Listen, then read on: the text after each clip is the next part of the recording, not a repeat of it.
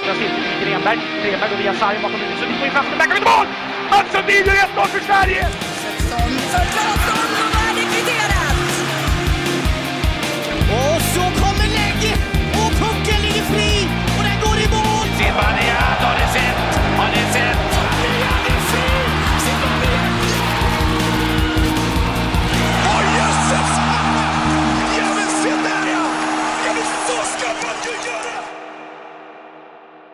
Det är avsnitt 80 vi skickar igång efter att introt har kört för andra gången. Vi kommer i det här avsnittet att på samma sätt som vi pratade igenom Allsvenskan förra veckan ta ner eh, SHL som avslutades eh, den här veckan. Vi hade ju tänkt spela in i torsdags men eh, Ah, det vart landskamp.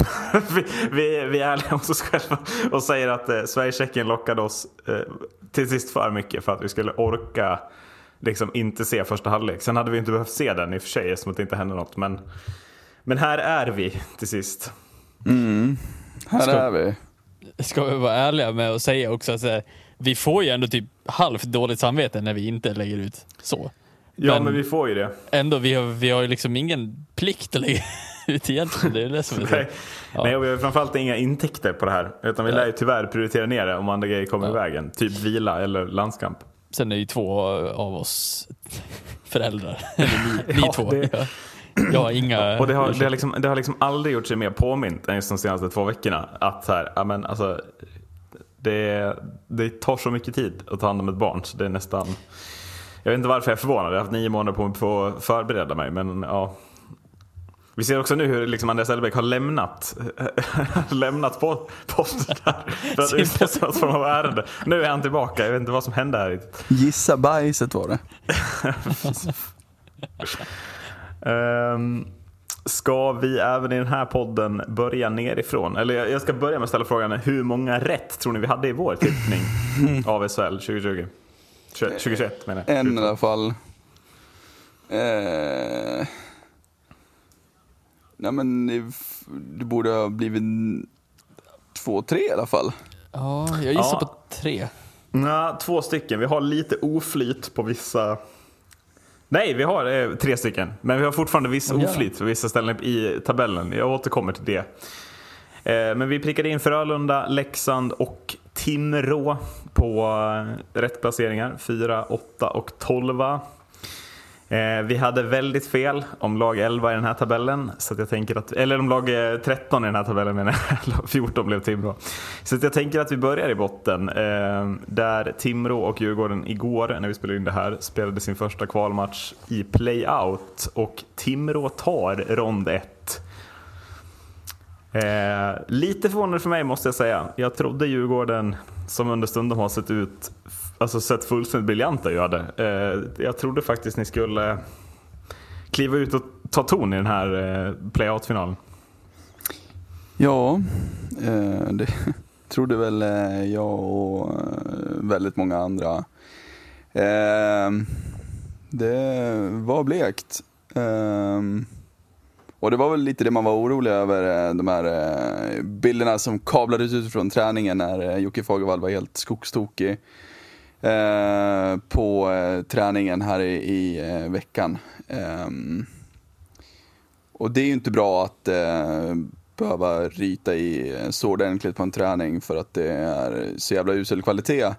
Ehm, det var ju oro, oroväckande men jag trodde ändå att de skulle eh, ta den eh, sågningen eh, de fick på, på eh, bästa sätt eh, och komma ut inför eh, eh ett jävligt eh, högljutt hovet. Eh, men eh, det ville man ju inte. Man eh, får ju med sig 1-0 ganska trevligt ändå i första perioden men, eh, men eh, Timrå var ju bättre i laget. Och sen eh, rasar det ju totalt i, i andra perioden eh, och man blir sådär, eh, man fick ju verkligen vibbarna från, eh, från ja, tidigt på säsongen när man eh, släpper in mål och sen eh, rasar det bara. Eh, Och det, det trodde jag inte skulle få uppleva igen. Eh, så att, eh, det var inte kul.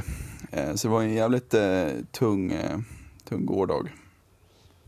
Jag trodde ju verkligen som, som, som Erik sa att det kändes som att ni hade ni hade ändå hittat rätt någonstans i all misär att alla värvningar som, som Stoppel har gjort och, och Fagervall som ändå kommit in med en bra ton in i laget och sen hände någonting, vad var det, sista omgångarna? Ja, vi hade ju fyra raka torsk inför, inför igår, så nu är det fem raka torsk.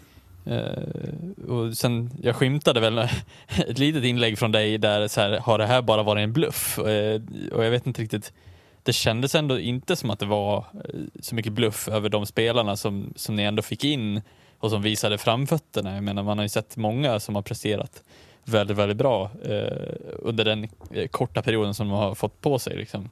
Då trodde jag att det här skulle vara så här att ja, men nu har man fan nu har man byggt upp så att, så att det här ska vara, det ska vara no-brainer för, för Djurgården att ta det här.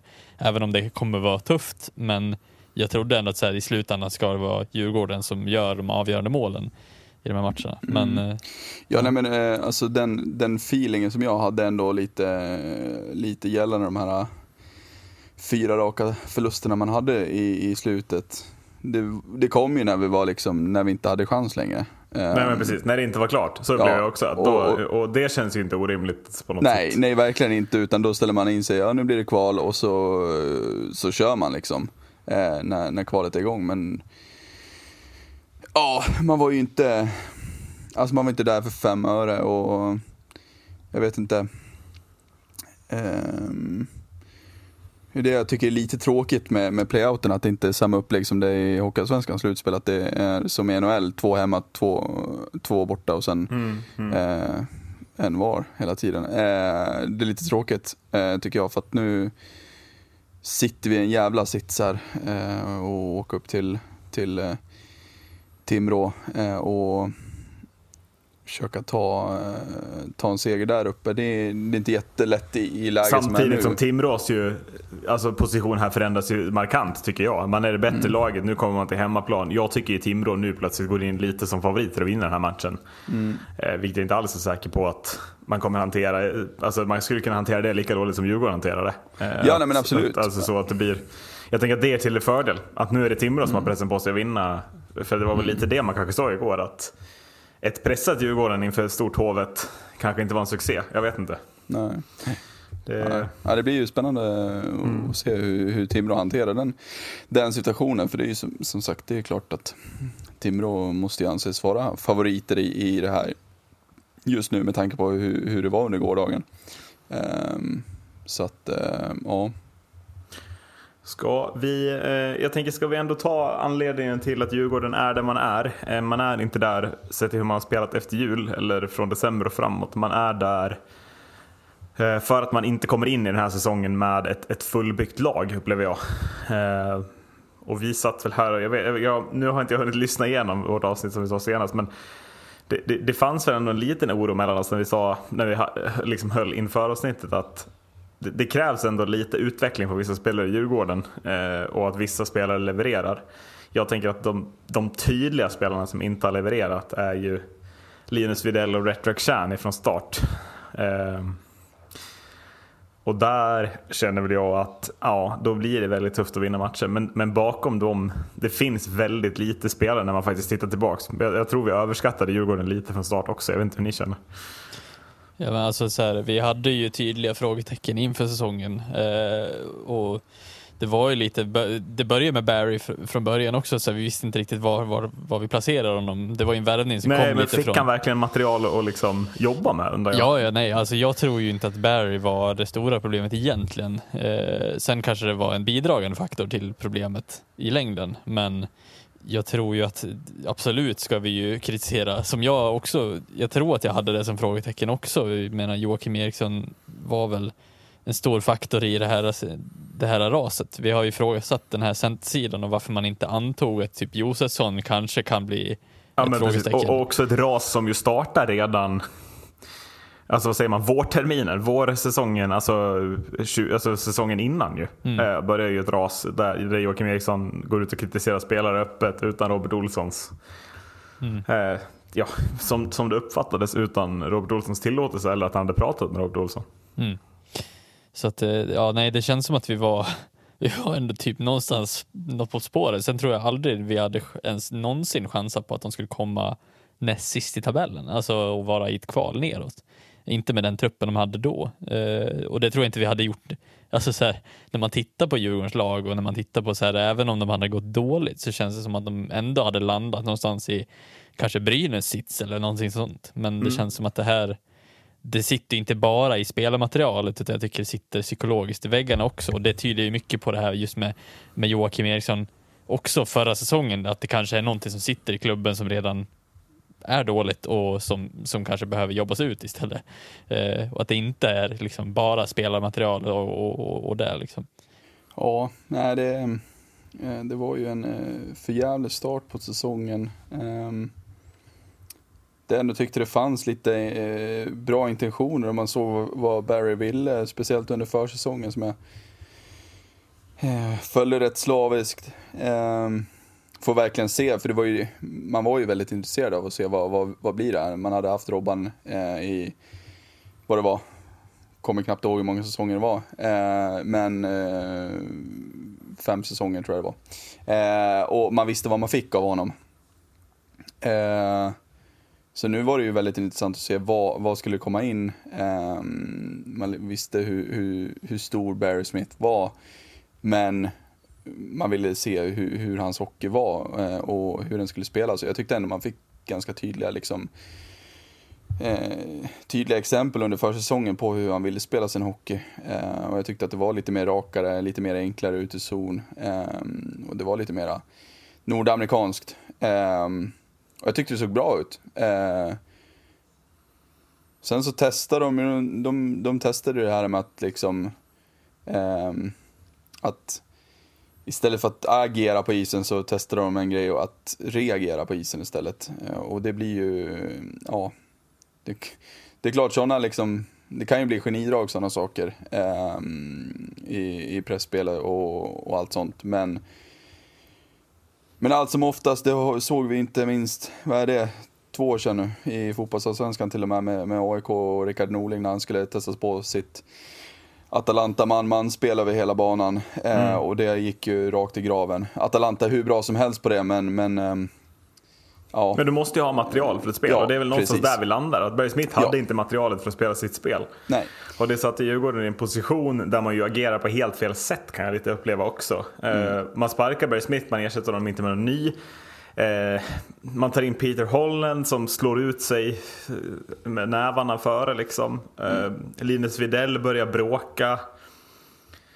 Eh, och jag vet, jag vet liksom inte, så här, Marcus Sörensen blev ny kapten. Jag vet inte hur roligt Marcus Sörensen hade just där och då. Jag tror att det finns lite av en anledning till att Sörensen också söker sig bort. Men det är att han har mått otroligt dåligt Sörensen stundtals eh, under den här säsongen. Ja. Tyvärr. Ja, nej men precis. Och vi pratade ju om, om det eh, nyss, att eh, hur många det är som egentligen går ur den här eh, grundserien med godkänt. Eh, och absolut Sörensen är en av dem. Eh, men sen, sen hade man ju velat ha sett en Sörensen som var ännu mer dominant och ännu mer bara fokusera på det han är bra på. Eh, jag tycker, eh, tycker det har varit stundtals under säsongen väldigt mycket skitsaker som har, som har kommit från honom.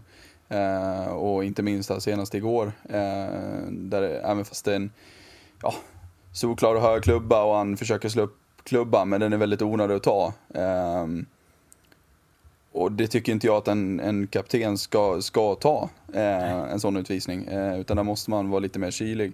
Eh, och det har varit lite sådana saker under säsongen. Och ja, en kapten som eh, som sagt, han har varit jävligt bra i Djurgården. Det, jag tycker verkligen det. Eh, han, han var segstartad och det, det är inte så konstigt med, med tanke på hur hela Djurgården var. Men, men han trummade igång och han trummade igång ordentligt jävla mycket. Eh, men med det sagt så, så, så tycker inte jag att han har, varit en, en, eh, en bra kapten. Eh, jag tycker inte att han har varit en rätt kapten eh, i det här laget. Tyvärr. Eh, och, men det är ju som du säger Erik, jag menar med den starten och, och det som har hänt, Videll börjar grina och Barry får lämna och, och, och så vidare. Så det är klart, det, det är inte kul. Sörensen såg ju fram emot det här och komma hem till Djurgården och, och ja, men försöka slåss om någonting. Jag menar, det är, Ja. klart att, det är klart att Djurgården, Djurgården i sig, det är klart att visst, de hade väl som mål att, att ta sig till slutspel. Man målar ju, man målar ju inte upp sig som, som guldfavoriter, absolut inte. Men Nej. tar man sig till slutspel så då kan allting hända. Eh, och ja, och det, det säger jag inte bara för att det är Djurgården, men allting kan verkligen hända på Hovet. Eh, och den här säsongen har Hovet varit eh, liksom en kyrkogård, eh, både liksom rent publikmässigt men också spelmässigt. Som, ja, det har ju varit katastrof eh, stundtals eh, på hemmaplan. Och jag menar, ska man eh, kunna göra någonting av en säsong så då måste i alla fall hemmaspelet sitta. Eh, Ja, vi konstaterar att Barry Smith fick sparken. En annan som fick sparken, eh, det var Fredrik Andersson innan det här kvalet skulle börja. Jag tänker att vi hoppar till Timrå. Ska vi börja med att kommentera den sparkningen? En lyckad sparkning upplever jag det lyckad, en lyckad sparkning efter en match i alla fall. Men generellt känns det ju inte som en klubb i harmoni som sparkar Fredrik Andersson. Vad förväntade man sig? Att man skulle bli femma eller? Att man skulle missa? alltså, Man är ju nära och liksom på riktigt utmana om att inte ens behöva kvala neråt här. Och det känner jag att Fredrik Andersson är ju Alltså han har ju format exempelvis Tyrari till en, liksom en bra SHL-spelare. Han hade problem att göra poäng i s i fjol i, i finska ligan. Och det är en sämre liga som ska bli. Så enkelt är det. Eh, det är ju, han har ju gjort bra grejer med spelarna här, tycker jag.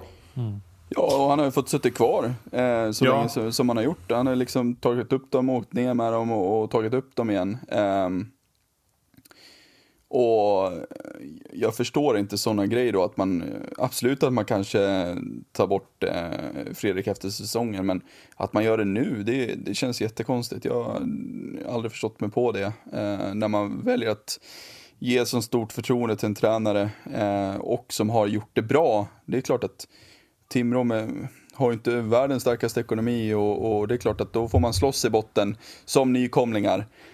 Um, och något annat kan man inte vänta sig. Det, det är bara så. Uh, och att man då väljer att sparka honom inför ett kval känns, ja det känns, eh, känns både konstigt och väldigt pissigt mot, mot just Fredrik faktiskt.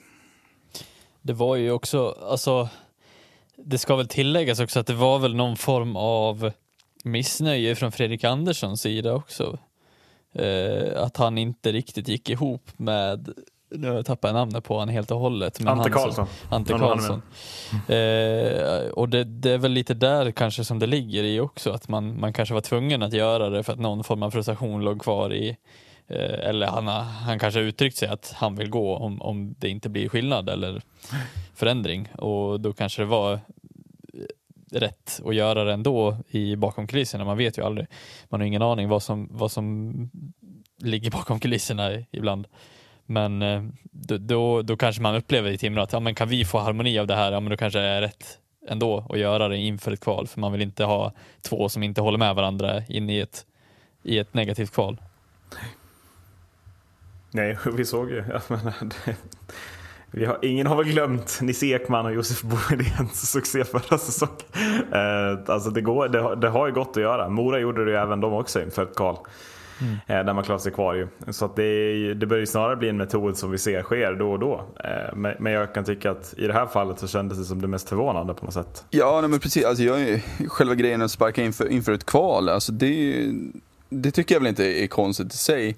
Eh, kan jag känna, för det är ju som sagt, det, det har ju lyckats förut och, och så vidare. Men just att man gör det med en coach som har fått varit med om så mycket med Timrå eh, och som man uppenbart har haft ett stort förtroende för. Ehm, det är ju inte många coacher som liksom får vara kvar efter att åka ur och sen går man upp och så åker man ur igen Ja, men får ändå vara kvar. Ehm, så är det. så att eh, just den grejen tyckte jag kändes jäkligt konstigt att man då väljer att göra det här inför, eh, inför kvalet. Eh, men som sagt, som du säger Macke, det är klart, eh, är det någonting eh, som han har varit missnöjd med och med liksom kommunikationen och, och liksom hur han har gått ihop med Ante Karlsson, ja det är klart, då blir det väl liksom annorlunda, helt klart. Mm. Så jag vet inte hur ni tänker Marcus, eh, eller framförallt du Marcus tänker jag. Men det känns ju som att eh, alltså, det blir ju tufft för Djurgården att åka ur såklart. Det blir tufft för alla att åka ur. Men om Timrå åker ur den här gången så känns det ju inte som att man får kvar Sebastian Hartman, Albin Lundin, Jens Löke, Albin Karlsson, Jakob Johansson i mål. Jonte Dahlén lär inte komma tillbaka den här gången. Marcus Hardgård lär inte komma tillbaka den här gången. Alltså det känns ju som att Timrå vid eventuell uttåg står ju inför ett helt otroligt stålbad kontra vad man har gjort den senaste säsongerna, upplever jag. Ja. Eh, och jag tycker inte att det är liksom, alltså, det känns lite som en reaktion, eh, matchen mot Djurgården igår, att nu kör man och hoppas på det bästa. Eh, För att jag, jag, tror, jag tror från Nubben Norberg på spårchefsposten, jag tror han är jätteorolig för vad ett uttåg innebär här. Ja, och nog därför han också har varit i kontakt med Växjö va? Ja, Eh, han vill lämna när han kan. Jajamän, så att han vet att, ja. jag vet att det här kommer att gå skepp. Ja, Jo, säga. men alltså håller ni med då? Att, att risken Ja. för Timrå här är ju att det blir lite som när Mora åkte ur. Att man liksom med nöd och näppe klarar sig undan Ja. kval neråt i Allsvenskan. Alltså jag är inne på att det kan bli en sån reaktion för Timrå. Att, Mm. att man tappar så mycket spelare och sen inte får ihop det. För att jag, jag ser inte vem som ska vara kvar. Nej, Det är Jeremy Boys och, och Jakob Blomqvist liksom. Men de gör inga under nere i, i Allsvenskan. nej, precis. Det blir ju alltså så här, de, de lär ju vara förberedda på att det kommer att bli en rebuild efter, efter en nedflyttning nu för att det finns för många duktiga spelare för att det ska vara att de hänger med ner i Allsvenskan. Och jag tror att de här spelarna har ju spelat så mycket i Allsvenskan att de känner att det är dags att ta nästa steg. Och får de möjligheten så kommer de att göra det förmodligen. Eh, det är väl många som, alltså så här, vad jag skulle tro känner så i alla fall. Jag menar, det är ju bara hälften av dem du nämner också är ju liksom andra SHL-klubbar som förmodligen skulle kunna må bra av Ja, de har ju spelare. gjort, alltså jag menar Lundin, Löke, alltså Lodin, de har gjort bra säsonger också i Mm. ligan upplever jag. Alltså jag upplever att det är väl många, som, många klubbar där som ser en utvecklingspotential i de spelarna. Eh, jag menar Albin Lundin framförallt hade jag värvat som en tredje center med vad vilket topplag som helst nästan. Där finns det ju verkligen att hämta. Mm. Så att ja, ja, det blir lite last, last stand för, för Timrå, men samtidigt, ja, vilka, blir det värre för? Djurgården eller Timrå? Alltså, nu har Djurgården säkrat upp några spelare som de ändå säger ska vara kvar i Allsvenskan. Men eh, ja, Djurgården sitter också inne på ett ruskigt mycket bättre J20-lag, tycker jag, än vad Timrå Ja. gör här. eh, Och kan plocka spelare från. Jag sa ju att vi hade lite otur i vår tabelltippning. Eh, och det är, ju, det är ju här det framförallt visar sig. För vi tippar ju alltså Malmö, Brynäs och Linköping på platserna 10, 11 och 12. Det är ju bara att de tre lagen lyckas ju inte hamna i den ordningen vi hade då. Så vi hade, det är ju, men vi har ju dem i den här treklungan som väl är här. Eh, på de här platserna. Eh, upplever jag. Det är ju ett, det är ett hopp upp ändå eh, till lag 9 och 8 från, från Brynäs. Som tar sista slutspelsplatsen. Eh, ja, det, det jag känner lite är att Brynäs och Linköping, där var vi lite inne på att de skulle ta de här platserna. Eh, alltså någon av 10, 11 och 12. Eh, vi var, jag var, är väl lite inne på att vi var inne på att Malmö kanske skulle kunna göra en bra säsong med Fagervall och sen med förstärkningarna så är väl ändå Malmö lite av floppen bland de här. Eh, jag vet inte hur ni känner. Så känner jag i alla fall. Ja, Med, med det tanke var- på allt det har blivit. Ja, nej men precis. Vi var ju, det var vi inne på att ehm, med, med de förstärkningarna som Malmö fick in Um, så uh, ja, men det, det kändes bra. Um, Malmö har haft, uh, har haft någonting på gång kan jag, kan jag tycka. Uh, just med den här ramstarka defensiven, stora tunga backar. Um, och ja, stort och tungt över hela laget egentligen. Um, och sen krydda med det med, med det de fick in, eh, Carl Söderberg som kom und, eller inför säsongen och sen var det Händemark som anslöt och sen var det även eh, Magnus Pääjärvi. Eh, och det är ju inga dussinspelare, även fast, ja, inte Händemark i alla fall. Eh, Pääjärvi är ju en dussinspelare Nej, Pääjärvi, tyvärr. men Pääjärvi är ju inte heller det på pappret. Det var ju vi som var inne på det. Vi får ge oss själva lite cred, tänker jag. Att vi var inne på att det här inte kommer vara en bra värvning. Men, men alltså, om du tittar lönemässigt eller på pappret så tror jag inte alla håller med om att, om att Pääjärvi inte var en bra, eller liksom var en bra värvning. Det tror jag många tänkte att det skulle vara. Absolut. Eh, Pääjärvi sitter väl och, och rullar sedlar just nu, eh, gör han helt nog. klart. Eh, men jag tycker ju inte att han ska göra det. Det är klart, han har ju ett namn och han har varit med länge i, i, i, branschen så att säga. Så att därav så kan han ju ta, ta betalt efter det. Men ehm, eh, en dussinspelare, det är han. Um, och jag tror att Malmö kanske lite gick i, i den fällan. Um, även fast att det var väl en drömvärvning så, hemvändare och så vidare. Um, men det, var, det var en rejäl fälla man, man gick in i tycker jag ändå. Eh, om man hoppades på mycket från Magnus Berger. Hade det inte varit mer bättre om Päijärvi hade dragit till Timrå istället och haft en lite tydligare roll i, i ett lag De som tog ju Timrå? upp Pontus Åberg istället. Ja, precis. Ja, det vart ju inte heller en supersuccé. Eh, ska Nej. väl tilläggas. Vänta bara i, i Game 7 här nu när han avgör. Risk, jag säger, risken att han skickar ut Djurgården är fortfarande överhängande stor. Och Ja, just det. Det sa du väldigt tidigt också. det sa jag. Ja. Det tar vi då om det händer. Ja. Eh, Men tillbaks eh, Malmö, vad, var- alltså, jag, jag vet inte var man landar. Alltså, de klarar sig kvar, det finns lite att bygga på eventuellt. Men de, de, de lagen jag är mer intresserad av att prata om är ju Brynäs och Linköping här. För att det känns ju som två lag som kommer allt närmare att behöva bygga om rejält. Och jag vet inte riktigt, vi var inne på det också när vi pratade upp de, de lagen. Jag vet inte riktigt hur den här ombyggnationen går i de här klubbarna. Eh, alltså Brynäs, Niklas Danielsson blir inte yngre. Brock Little blir inte yngre. Eh, Linköping skriver fem år med Marcus Ljung, såklart jätteviktig förlängning. Men det är liksom inte spetsen det är fel på. Det är ju bredden och kvaliteten från kedja 2 och backpar 2 neråt som jag tycker känns ruskigt oroväckande i de här klubbarna. Eh, och, och jag tycker att det är också anledningen till att de inte kommer högre i tabellen. För att ska du komma högt upp om man tittar på lagen 1, 2, 3, 4, 5 så, så nog finns det mer spets eh, än bara första femman liksom. Men- Men blir, eh, inte är ni inne på samma? Jag tycker det blir så jäkla svårt att, att bedöma liksom de här lagen, hur de har presterat. Brynäs har varit, de är väl, och det är väl en, en enda anledning till att de tar sista slutspelsplatsen. De har varit, de har varit lite mer upp och ner än bara upp och sen väldigt mycket ner. Eh, jag, tycker det blir så svårt, för, för alla de här tre lagen hade ju ja, men väldigt bra avslutningar på säsongen. Och då blir det så svårt att, att lägga en bedömning på, alltså, vad, vad har de presterat den här säsongen egentligen? Linköping såg jättebra ut i slutet. Ehm, tycker jag. Och, och det gjorde de väldigt, väldigt, väldigt lite under, under hela säsongen egentligen. Fram till när det var 6-7 omgångar kvar. Ehm, Kan det vara några tränareffekter där eller? Manner och eh, vad heter han, Claes Östman. De var ändå nya inför säsongen. Kan det vara deras spel som satte sig efter jul mer? Eller är det bara en helt enkelt reaktion på att, man, på att vilja slå, eller motivation slå klass? Förstår du vad jag menar? Ja, det kanske är som, som vi var inne på med, med, med Djurgården. Var allting en bluff? Eh, Linköping och Malmö får vi inte veta i och med att de inte spelar vidare. Brynäs, ja, 8-2 igår i baken mot Örebro. Eh, ja. 7-2. 7-2. Men Förlåt. eh, det är lika illa det. Jag tror Rabos gjorde 8. Eh, alltså, ja, vi kommer ju till det sen, men Rigo Abos match igår. Och herregud vad svaga jag är för de typerna av liksom, lekstugematcher. När en spelare bara, när allt stämmer. Dicken, Timrå borta. ja, precis. Det blir imorgon. Um, Men är Ja, det inte känner- lite, ja, är det inte lite. Marshov? Alltså så här, jag, jag tänker att Rödin har ju fått ro den här båten själv lite i Brynäs väldigt den här säsongen känns som. ja, jag håller med.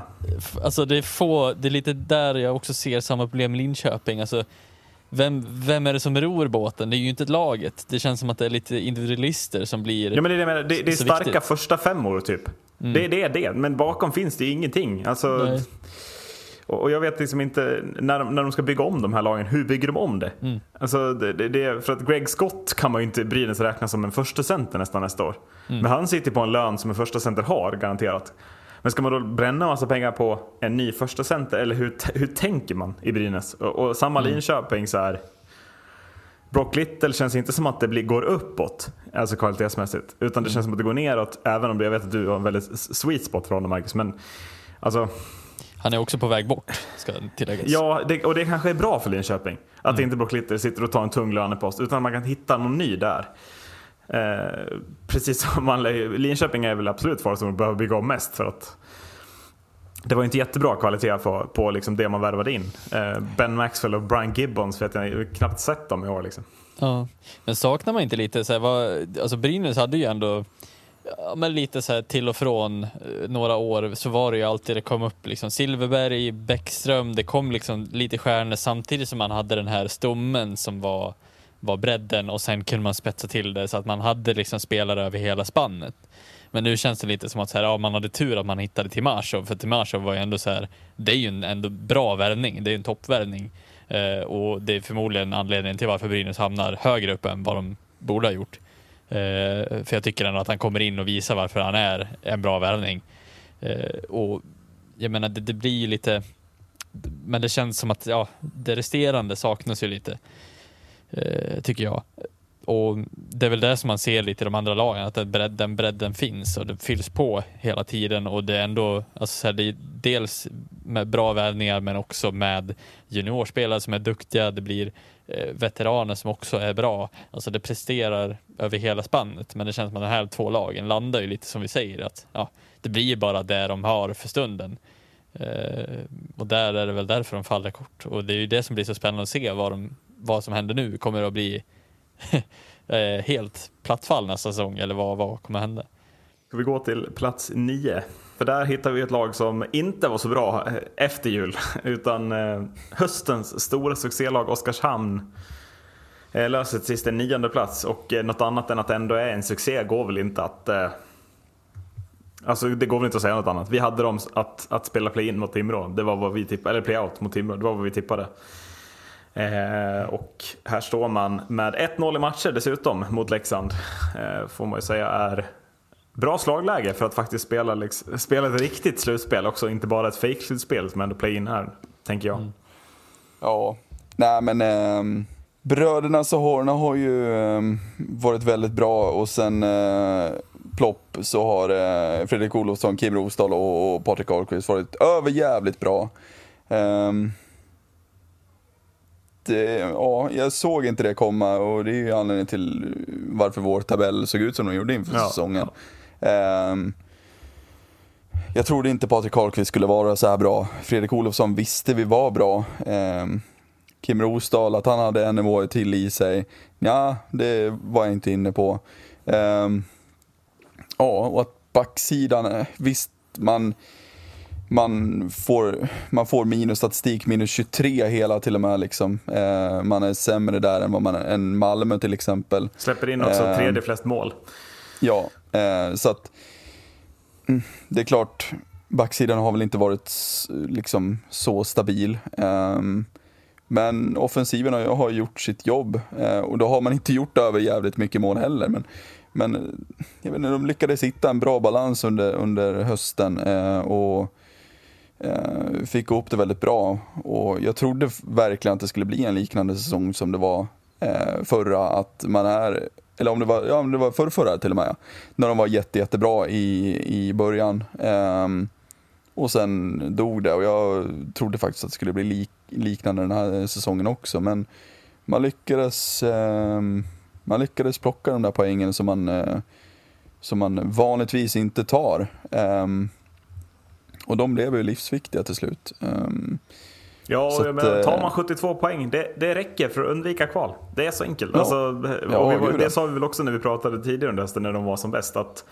det var inte så långt kvar till de där 65 poängen typ som behövdes för att överleva. Uh, och mm. de, det tog lång tid att, att komma dit. Och det, det är ju för att kanske att man tappade stimmet och, och Karlqvist och de här visade sig på sin mer rimliga nivå. Ett tag var det ju absurt att se hur bra de var liksom. Mm.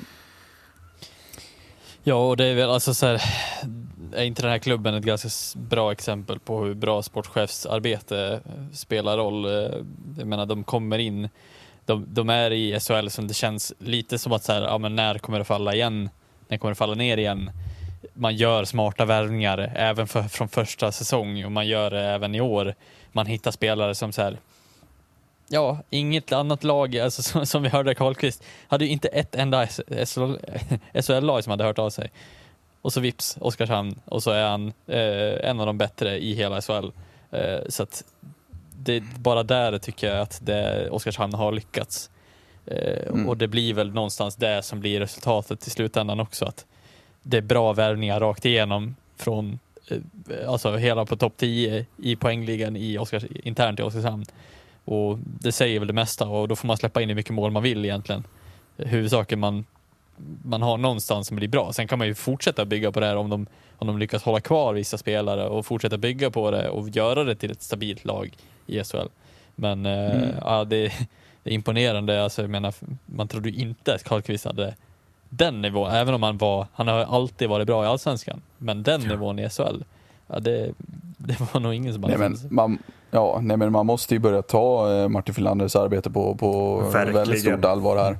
Ehm, och han, är ju lång, han har ju liksom, han har ju långt kvar till den liksom, och få det, det liksom godkännandet av eh, hela Hockeysverige eh, som han verkligen bör få eh, redan nu. Ehm, för att det pratas väldigt lite om honom eh, i, i medier. Och det tycker jag är fel. Um, tycker Martin Filander gör ett uh, sjuhelsikes jobb i Oskarshamn just nu. Ehm, och som vi sa, det tog jävligt lång tid för dem att och liksom, eh, skrapa ihop de här poängen som de behövde för att undvika kval. Liksom. Eh, det tog dem till en play-in.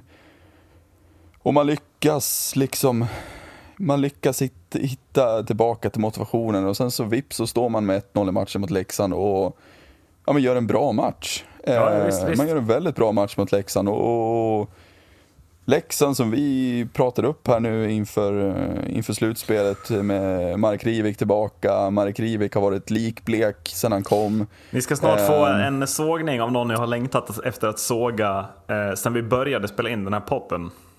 Ja, eh, så att eh, ja, eh, Oskarshamn, Martin Filander, Patrik Karlqvist. Väldigt, väldigt bra. Eh, målvaktssidan är väl kanske det som har varit det största frågetecknet den här säsongen. Eh, Jag trodde ju väldigt mycket mer på den.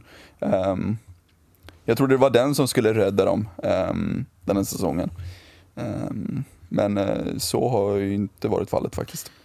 Eh, jag tänker bäst på plan igår är ju ändå Fredrik Olofsson. Eh, det är väl en spelare vi kan räkna in inte spelar i Oskarshamn nästa år. Nej. Mm. Vad tror vi den outen betyder eh, för Oskarshamn? Jag är ju inne på att där finns ett hål som inte riktigt Oskarshamn kan fylla. Eh, utan eh, Oskarshamn nästa år kommer jag nog, om inget mirakulöst sker, men jag kommer nog hålla dem lågt ner i serien från början då också. Hold, eh, hold his beer höll jag på att säga. Men Ja. Ja. jag är ju Ja. rädd. Jag är ju livrädd för att Oskarshamn kommer att plocka Sam Vigneault. Eh, det, det känns som att det finns någonting. det finns någonting som bara säger, skriker att det kommer att vara Sam- Vigneault som kommer att fylla den positionen. Mm. Nu går upp Macke, det är lugnt. Spelar nog ingen roll. Kommer att spela där Vad jobbigt om det är så. Ja. Ja, nej för fan. Ja. Nej, men eh, eh, nej. Eh, bra sportcheferi sa vi. Eh, man kommer lyckas och det är som du säger Macke, man kommer lyckas. Jag tror det. Eh, kanske inte liksom fylla hans skor fullt ut. Det blir väldigt, väldigt svårt med den budgeten Oskarshamn har. Eh, men eh, jag, jag tror man lyckas, absolut. Sen kommer det inte bli eh, så många poäng som eh, Olofsson har gett ifrån sig. Men eh, det kommer vara tillräckligt eh, för att undvika kval. Sen vi började den här podden eh, så har jag längtat efter att få såga Björn Hellkvist. Eh, dels på grund av hans konstiga out i Modo, dels på grund av hans lite störiga uppsyn och hur, hur han otroligt tyst pratar i intervjuer i tv. Man får man ha volymen på 97 för att höra vad fanskapet säger. Eh, men han har ju haft en otrolig förmåga att få sina spetsspelare att leverera. Eh, och det känns... Alltså, jag, jag kanske glädjer mig för mycket. Men helvete vilket misstag han gör när han inte har planen klar för hur han ska integrera Marek Hrivik i det här laget. Eh, för att det enda som har hänt sen Marek Hrivik kom in är ju att han har varit helt osynlig och de andra spelarna som var bra, de har blivit sämre. Eh, och det, det, jag förstår inte riktigt. Förstår ni planen att, in, att liksom skicka ner Mikael Rohoma som tredje center här?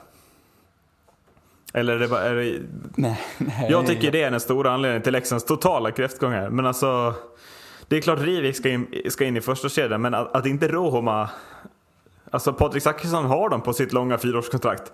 Det spelar ingen roll hur bra han har varit. Han måste ner i den tredje kedjan för att Rohoma, ja nu ger de ju bara honom en anledning att inte vara kvar nästa säsong. Och Rivik, ja är han kvar? Tvek. Det fanns väl något kontrakt. Eh, Men eh, jag, jag förstår inte alls vad tanken är där. Nej, och Marek Rivik vill eh, spela center men får spela ytter. Ja. Ja, ja nej, det är jättekonstigt eh, hur eh, Björn Hellkvist agerar. Eh, under de här matcherna som återstod eh, när Marek Rivik kom in. Eh, och eh, ja, visst, han gjorde, gjorde en hattrick i sista matchen, eller hur var det? Eh, Ja, när de förlorade efter Var- förlängning mot Brynäs. Ja, det var väl något sånt. Ehm, och det var, ju det, det var ju det han gjorde. Att han ehm, ja, inte sätter in honom som center är ju faktiskt ett stort eh, jävla misstag. Ehm, och jag tycker man, eh, man tappar eh, man tappar väldigt mycket djup i det här laget som man hade kunnat haft och som man hade kunnat flygit på. Ehm, och som igår till exempel, att man att man lirar Camper, Rivik och Zachrisson tillsammans ehm, tycker jag är fel. Ehm, jag tycker det är fel att man har eh, till exempel eh, Nils Åhman i, i en tredje kedja. Eh, för där borde Patrik Zachrisson vara. Ehm, och sen får Nils Åhman ha det jävligt skoj med antingen Rivik eller Roma. Och så enkelt måste det vara Ja, jag faktiskt. håller med. Jag Eh, helt det med kan inte vara svårare än så. Jag är helt med Det måste man kunna se. Det, och det trodde jag att Björn Hellkvist ser. Och det har han ju sett Eh, hur bra som ja. helst i hur många säsonger som helst. Vad, vad är det som har hänt? Försöker han uppfinna hjulet igen trots att han redan har hittat lösningen för det? Jag, fatt, jag fattar inte. Ja, men jag tycker ju det blir, eh, det blir ju påtagligt också. Eh, nu, nu har ju Leksand stora problem med, ba- med bekymmer också, att de har ju mycket skador på slutet så, men jag tycker ju ändå att den här, alltså det, det syns ju påtagligt att de har problem framåt också och jag menar de har ju inte haft problem tidigare under säsongen och nu när Rivi kommer in så blir det ju som att eh, det blir svårt att göra mål helt plötsligt. Eh, och jag tycker att det blir det blir extra påtagligt när man ser att Rivik verkligen har svårt att spela, spela ut sitt spel och jag tycker att det någonstans blir det någonstans mättat det här att de inte riktigt hittar positionerna för och det är som du säger, alltså eh, om man har de stjärnspelarna så måste man kunna hitta någon lösning och är det något eh, Hellkvist alltid älskar är det stjärnspelare och sätta dem i rätt i rätt lägen, rätt positioner. Menar Patrik Karlqvist gjorde ju 100 mål på samma position i Modo. Att, att det inte blir, eh, va- varför sätter man inte in mer av detsamma som var tidigare? Att, att man sätter in Rivik som en, alltså så här, ge han den fria roll som man behöver istället. Roma har ju duktigt skott på, på kant, han ska inte spela som en tredje, eh, tredje kedjespelare heller. Eh, så att, Men är, är det någonting som Björn Hellkvist har varit bra, eller har hittat, så är det ju lösningar. Ja. Det har han alltid, alltid gjort. Och alla Oskarshamn-fans som lyssnar nu, alltså ni får ursäkta, men det är ju ett skämt att Leksand gör ett mål mot Oskarshamn. Med den målvaktssidan som har varit knackig den här säsongen, med den backsidan som egentligen har en, ja, en, två bra backar. Eh, som jag tycker håller bra nivå. Eh, och att Leksands IF med den, alltså den stjärntruppen som de har just nu framåt, inte gör mer än ett mål. Och målet Eh, kommer ju... Det kommer inte ja. av någon av stjärnspelarna. Det kommer inte Nej. när det är matchen är jämn. Det kommer efter att 3-0 har gjort sig tom kasse. Ja. Alltså, och, och- och jag menar, det är väl klart att Oskarshamn, de har ju redan börjat fira segern när det där målet kommer. Jag menar, ingen, det finns ju inget mål man kommer minnas mindre från den här säsongen än vem som gjorde 3-1 för Leksand i den här play-in-matchen. Ehm, men hur mycket har Max Veronneau räddat då? Helt ärligt, alltså Justin Clues, Carter Ashton, det är ganska slätstruket. Carter Campbell har gjort det jävligt bra, absolut. Och, och Rohoma också. Men, men utan Max Veronneau, var är Leksand den här säsongen? Är min, med min stora fråga. Ehm, och det känns som... Alltså det, jag, jag känner att det blir ett grovt underbetyg till Leksand. Någonstans. Att man inte, att man inte klarar av att hålla i. Hålla i liksom. alltså man börjar ju jättebra den säsongen. Att, man, att man, man har ju ett lag för att hålla i den formen tycker jag. Eller åtminstone liksom inte tappa den fullständigt som man gör här. Skador hit och skador dit. Men fortfarande så känner jag att eh, någonstans ett underbetyg att de blir åtta. Nu tippar vi dem rätt där. Men det var ju också lite för att vi det var typ där vi ville se dem. alltså vi får ju vara ärliga mot oss själva. Hade vi varit helt objektiva kanske vi hade haft dem högre ändå, eller? Ja, nej, men det, det är just det att man, man har liksom en säker slutspelsplats, liksom en kvartsfinal i sin hand så länge den här säsongen och det såg så bra ut och det är väl det, det är därför man landar i att ja, men det blir inte, alltså det blir inte så mycket mer än, än godkänt och knappt det av den här säsongen eh, med tanke på hur jävla bra de var. Eh, långt in också. Ehm, så att, ja, Ska, Jag ska jag vara helt ärlig så var väl åttonde inte helt orealistiskt egentligen på förhand med, med tanke på att vi hade ingen aning om hur bra Max, Verno skulle bli. Eh, Vi hade ingen aning om hur bra Kaskisu skulle vara. Så att, Nej, jag nej menar, absolut. Och backsidan, det redan nu, alltså så här, det är ju den som är den svaga länken i det här laget. Och det var ju det som var på förhand också, kanske det svaga, svaga länken. Sen har man ju lite flyt. Och där bränner man ju värvningen Ben Thomas grovt. Ja. Han är ju stundtals... Sen har ja, man han, ju- är, han ska ju vara en första back nästan, an, alltså andra back. Det är, Mm. det är ju inte bra det han presterar. Nej men precis, och sen har man ju lite flyt. Jag menar, eller, ja, Kalle Schelin blir ju en toppback. Jag menar, så, Ja. det, det blir han ju under säsongen och det är väl, man kan kalla det både flyt och kanske ja, men lite att man, man vet vad man har den kanske. Men, eh, men det är tur att han går in och tar den här positionen som kanske Ben Thomas var värvad för. Eh, för det känns lite som att ja, det var ju, hade Ben Thomas också varit i den nivån, ja, men då man har haft Kate och eh, Ben Thomas, Kalle Schelin, ja, men lite mera bredd. Nu är det liksom bara, det är Kalle Schelin och så är det Kate och så är det, ja. Sen då? Det blir liksom så här, sen när man Nej, har men August halvskadade. Berg glider ju också fortfarande runt där på sex Ja. backar. Och det är liksom inget ont om honom, men, men.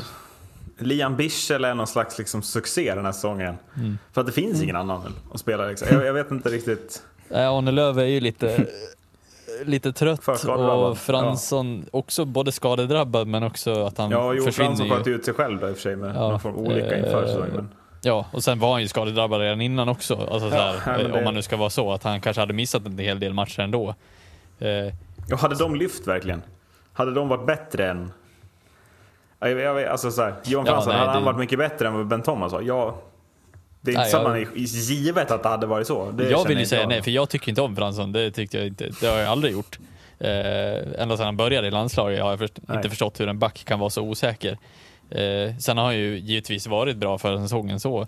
Men eh, ja, jag vet inte. Det känns som att man satsar lite på fel, fel spelare runt om. Så är det ju. Sen vill jag slänga in ett stort, stort frågetecken till Leksand.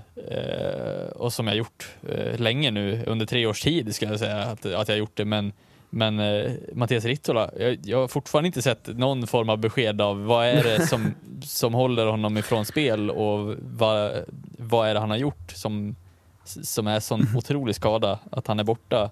Vad är han spelar? 20, 20 matcher på fyra säsonger? Kan det vara? Ja, nej, men framförallt så är det ju, vad är det för skada och... och och det- liksom finns det, det, det, det är liksom lite Jakob Josefsson-feeling på honom. Ska, väntar de fortfarande på en comeback eller Mm. ska man börja inse att det är över? Ja, det låter ju inte som att så här, ah, han är på väg tillbaka till slutspelet nu, eller ja, Nej, och jag menar om han kommer in nu då, vad ska han in? ja, I tredje kedjan typ. För fjärde kedjan ändrar de ju inte på. Den är ju ute. De första två kedjorna är han för dålig för nuläget. Jag vet inte riktigt om han ska han kliva in och peta Nils Åhman. Mm. Ja, jag vet inte. det blir väl lite där som blir avslutningen på det här kanske också med att har man för många första kedjespelare egentligen? Alltså att det är för många som behöver mycket istid. Men, Men det har ju aldrig varit ett problem någonsin för Björn Hellkvist. Varför Nej. blir det ett problem nu då? Alltså det, det är väl det som gör att... Alltså det är klart att det är så. Man har för många... Liksom, vi kommer om bara två placeringar till ett lag där det kan appliceras, tänker jag. Ja, Men, men att här är det ju... Det är den tränaren i Sverige som är absolut bäst på att få ihop det. Och så fort han får in kanske årets säsongens värvning på förhand. Så, liksom tapp, så tappar han alla linjer i det. Jag, jag, jag, jag, jag kan liksom inte... ja. Nu är det, nu är det underläge 1-0 i matchen mot Oskarshamn. Vänder man det? Ja, det kanske man gör, men... ja, det ska ju till att, att han får Rivik att prestera och är toppspelaren att prestera för att det gör ju de i Oskarshamn. Ja men för att Veronneau spelar väl inte? Eller hur? Han Nej. är väl out? Ja, Axel Led ja, just det. det Jag tror sant. inte han är tillbaks. Alltså, och då ska någon göra målen. Och Mm. du var inne på det. De gör ett på 60 minuter Ja. i Oskarshamn. Ja, eh, mycket fundera på. Eh, vi vandrar vidare eh, till plats sju där laget med tredje bäst målskillnad i serien och tredje minst insläppta mål i serien återfinns av någon outgrundlig anledning. Men Örebro tar sig inte högre än sjunde plats den här säsongen. Trots de siffrorna. Jag, är, jag, är, jag, jag, fatt, jag har sällan sett bättre siffror på en sju, sjunde placerat lag tror jag. Ja. Nej, nej, det är fascinerande. Man har, Det är ju. jag vet inte vad- hur, hur man lyckades med, med, vi kände ju ändå så här någonstans att, att Örebro skulle flyga i år och det kändes ju lite som att mycket talade för det inför. Jag menar, det var, det var ju väldigt bra flyget förra året och de har i princip behåller stora delar av det. Eh, och jag tycker verkligen att man har eh, ett väldigt brett och bra lag. Både offensivt och defensivt. Jag menar, Jonas Enroth är väl inget undantag i målet heller för den delen. Så att, Nej, eh, det är väl offensivt jag tycker ett frågetecken finns här. Jag vet inte vad ni känner men Ja men man får ju inte igång, eh, man får inte igång sina, sina Juuso. Pussinen och Eh, Mika Salamäki. Det är inga toppvärvningar för den här säsongen. Det. Sällan har vi hyllat några värvningar så my mycket som vi gjorde. vilken flopp. Ja. Det här är ju, alltså, kommer ni ihåg vad jag sa också? Örebro, Örebro och Västervik. Ja. Västervik misslyckas aldrig med transatlanter och Örebro misslyckas aldrig med finländare. Nej. Men, ja, tur man fick rätt på Västervik Ja, i alla jo, fall. men precis, precis. Nej men det, det är väl någonstans där, alltså Linus Öberg. Alltså det känns som att det är många unga, lite halvokända spelare som har tagit ganska stora roller i målskyttet för Örebro. Sen är ju Kovacs och Abols i kvalitet rakt igenom, men, men det känns som att, det saknas lite offensiv eh, kraft här. Eller på forwardsidan, backsidan ser ju löjligt bra ut och Enroth ska vi inte prata om. Liksom. Mm. Mm. Ja, det, jag vet inte, det blir lite så här. Det blir lite eh, mjäk över det. Eh, man vet liksom inte, jag, jag vet inte om jag kan ge Örebro godkänt. Man kommer sjua och man slåss om, om sjätteplatsen. Eh, men jag vet inte om jag kan ge dem godkänt. Alltså det, det såg stundtals läskigt bra ut, och, men att man bara blir sjua eh, måste vara en missräkning kan jag känna. Ehm, Ja, vi tippade ju att de skulle vara med och liksom göra, vi tippade dem i jo, trea. inte bara, inte bara liksom från, från, från vår eh, tippnings eh, synvinkel utan, eh, utan även för, från Örebro. Mm. tror inte att de tippade och, och blir sjua utan de skulle definitivt vara med och slåss liksom, eh, högre upp. Ja. Eh, och jag tror nog nästan att Ja, men hade jag varit Örebro inför säsongen så hade jag nästan kunnat haft den känslan att man räknar in en topp 6-placering. Eh, för ett så bra lag eh, har de.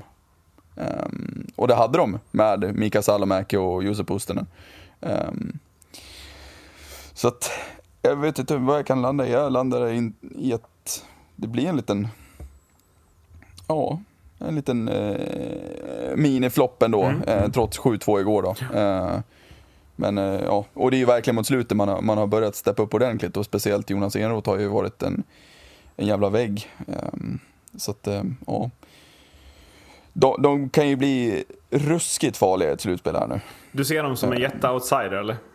Ja, ja, men jo, men speciellt med den känslan som jag har. Jag tror inte att jag är ensam om att ha den känslan. Att Örebro har gjort en, en, eh, en ja men, i sammanhanget en dålig säsong. Um, och att man floppar lite. Um, och att folk har den synen på Örebro eh, utifrån, eh, ja men då, då har ju Örebro alla möjligheter här att, att verkligen ställa till det. Eh, för att de kommer vara farliga. Ehm, och jag räknar ju redan in att de, de slår ut Brynäs. Det, De har ju två hemmamatcher. Jag Det, det känns ju som att Örebro kan vi väl räkna in i det här slutspelet. Ja. Eh, Oskarshamn kan vi väl inte göra det med. Jag tänker Leksand har under två hemmamatcher. Så att, Ja. Nej, så att ehm, eh, Örebro, eh, dålig grundserie, eh, kan bli livsfarlig i ett slutspel. Ja, och jag menar det, det räcker ju med att man bara får lite extra det lossnar lite i slutspelet, man kanske möter rätt typ av motstånd helt plötsligt och så får man lite mer självförtroende kanske lossnar. Jag menar, de har ju materialet för att gå, gå en bit i slutspelet, absolut. Eh, sen tror jag Ja, att... jag, jag, det jag känner är bara att Örebro kliver troligtvis in mot Luleå eller Rögle i det här slutspelet. Eh, Ja. ja, jag, jag ser inte Örebro gå längre än kvartsfinal. Eh, utan, alltså, jag tr- tror man har inte alls någon feeling för att de ska kunna alltså, vara någon slags joker, tyvärr. Eh, så, så känner jag. jag. Jag tycker det ser för tunt ut i de offensiva delarna av, av, av banan. Mm. Ja, det, blir, det är ju om man blir någon form av hjärnspöke som man var mot Leksand förra säsongen, alltså i det slutspelet. Men ja, det är ju som du säger, det är ju svårt att se det hända mot Rögle eller Luleå. Det känns ju som två lag som faktiskt löser den typen av motstånd ändå. Jo, men, och det, det är väl det, alltså, så här, om vi, nu, det ger väl Örebro det största liksom, ja, floppstämpeln den här säsongen. Att man sätter sig i en så dålig position inför slutspelet. Jag hade, jag hade ändå också trott att de med en sjätte plats eller, eller femte plats här hade kunnat utmana på ett helt annat sätt. Men man sätter sig ju i en position där man, där man riskerar att möta ettan och tvåan i, först, liksom i kvartsfinal och semifinal om man vill lösa sig vidare. Att, att det blir för tuff väg fram. Jo. Eh, lite mini-floppstämpel har vi väl på första laget ovanför strecket också. Eh, du trodde Färjestad skulle vinna serien, Marcus? Det borde de väl ha Vi gjort hittar också. dem på en stark sjätteplats. En poäng före Örebro. Eh, Kan vi prata om mina eh, två eh, säsonger här som jag tippat, eh, vinnarlaget i serien. ja. Eh, där de, ja, haft kanske överlägset bäst trupp rent pappersmässigt kanske. Jag vet inte. ja, Färjestad i år. Det är väl svårt Ja. att argumentera för något annat. Men... Och, ja, jag kanske bara inte ska tippa först, första platsen alls nästa, nästa säsong, tänker jag. Men eh, det är en annan, eh, det är en annan tid, tänker jag. Men, Eh, här har ni ett lag som däremot är en slutspelsjoker. Färjestad. som Mm. löser den här sjätteplatsen och slipper play-in. Eh, vilket lag ska välja Färjestad i slutspelet? Kan någon förklara det för mig? Det är väl de som inte har något annat att välja som får ta den pucken helt enkelt. Eller vad blir liksom... Växjö, typ. Jag vet inte. Ja, det går inte. Så, Nej. ja, det, blir ju, det blir väl Frölunda som kommer få lag eh, och det är nog mycket möjligt att det är Frölunda som eh, får eh, Färjestad Mm. här. Eh, och det blir en jävla batalj. Det blir ju lätt. För att Skellefteå kommer nog inte välja Färjestad, det är Nej, jag tror ganska... ehm, och, ja, ja, det är... Fan alltså. Och sen så, ja, så har du Växjö också. Ja, kul att möta dem i ett slutspel också. Ruskigt Eh, obehagliga lag, plats fem och, fem och sex här. mm. Ja, jag kollade ju på ta tabellen och tappade ett lag helt plötsligt, så det var ju därför. jag bara, ja, just det, det är ett lag ovanför också. Men eh, Färjestad, var, varför lyfter det inte högre? Alltså varför blir man bara citattecken sexa? Ja, men det, är, det var ju någonting som inte stämde med, eh, med Penneborn. Um, och jag vet, eh, ja, vad det kan ha varit. Alltså det, vi var inne på det inför säsongen. Är det för många kockar? Eh, det här. Eh, Macke trodde inte det eftersom han tippade dem etta. Eh, ja, eh, man har inte fått det att flyga ordentligt. Eh, för det här laget ska kunna flyga. Eh, och det ska kunna flyga så inåt helvete mycket. Och, ehm, men eh, det var någonting som inte stämde. Fick inte ihop grejerna ordentligt. Eh, men ehm, ja, man, eh, man löser sjätteplatsen och det är väl lite där man får landa i. För att nu tar ju Färjestad fart här. Nu tar man ju liksom, nu drar ju säsongen igång på allvar i Karlstad. ja. Det, nu, nu blåser det. Nu är det torrparocker i, i Löfbergs arena här alltså. Nu, nu, ska, nu ska guldet hem eh, och lite så är det känns det som. Eh, För nu, nu är det slagläge del- deluxe här.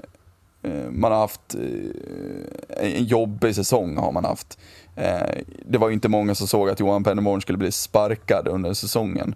Ehm, och han blir det och man får in Thomas Mittell som jättebra. Eh, och säsongen drog igång kanske där. Eh, och det, det, det kändes lite som en, jag vet inte, jag vet inte hur jag ska förklara. Det kändes som det var no någonting som släppte. Eh, det var en knut som, som liksom löstes upp och sen eh, började Färjestad ha väldigt roligt. Ehm,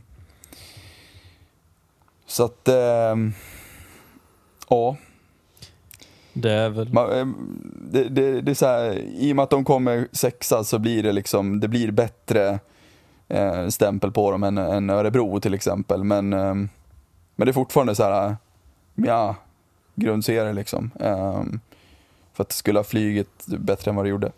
Jag ska väl tillägga att mitt frågetecken var ju inför säsongen, även fast jag la dem först, så var ju mitt frågetecken, är det för många kockar eh, på det här laget? Och ja, det är väl uppenbarligen det. Eh, och jag menar, vi, vi var väl kritiska till värvningen av just Jakob Delarose och han, ska han spela i en tredje, fjärde kedja liksom. Ehm, och, och det blir jag vet inte riktigt, alltså så här, det är ju någonting som bara inte klickar heller med alla de här typerna av spelarna och eh, jag vet inte, det, det är svårt att liksom sätta fingret på. Det är väl lite som med HV förra säsongen också, att det sätts väl också att man tror att någon annan ska lösa problemet och om alla tänker så så är det ingen som kommer att lösa problemet. Eh, utan det handlar ju om att komma till, till varje match eh, en hel säsong. Och man kanske hamnar i någon form av falsk trygghet när man har ett starkt lag på förhand som, och så inte liksom göra jobbet som ändå krävs till slut. Eh, så att, ja. Sen får man väl kanske säga också att den där målvaktssidan fick man inte riktigt ordning på, eller? Mm. Eh, Det har ju ramlat in lite, lite puckar. Jag tycker också att Jesse Virtanen och Mikael Wikstrand är väl de två spetsspelarna som på något sätt lämnar med, med största, alltså med, med det sämsta betyget. Jag, jag tycker liksom inte att, alltså jag, jag tycker att Färjestads backsida känns precis som Leksand, ganska slätstruken. Eh, och det tycker inte jag Färjestads backsida ska behöva göra för att deras namn är betydligt tyngre och liksom eh, Ja men jag vet inte, starkare än Mm. än vad Leksand så här på förhand. Den är också dyrare tror jag. Alltså, jag- Jag känner verkligen att jag tycker ändå offensivt att många av de spelarna har gjort poäng som krävs för att vinna matcher men att det defensivt har ramlat in för mycket mål. Ja.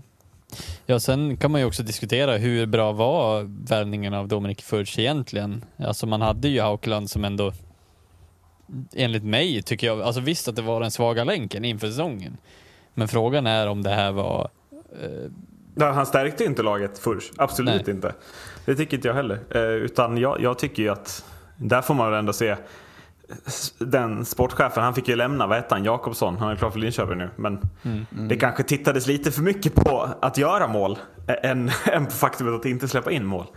Och jag tror att det är väl det som, som jag ser som ruskigt farligt för Färjestad.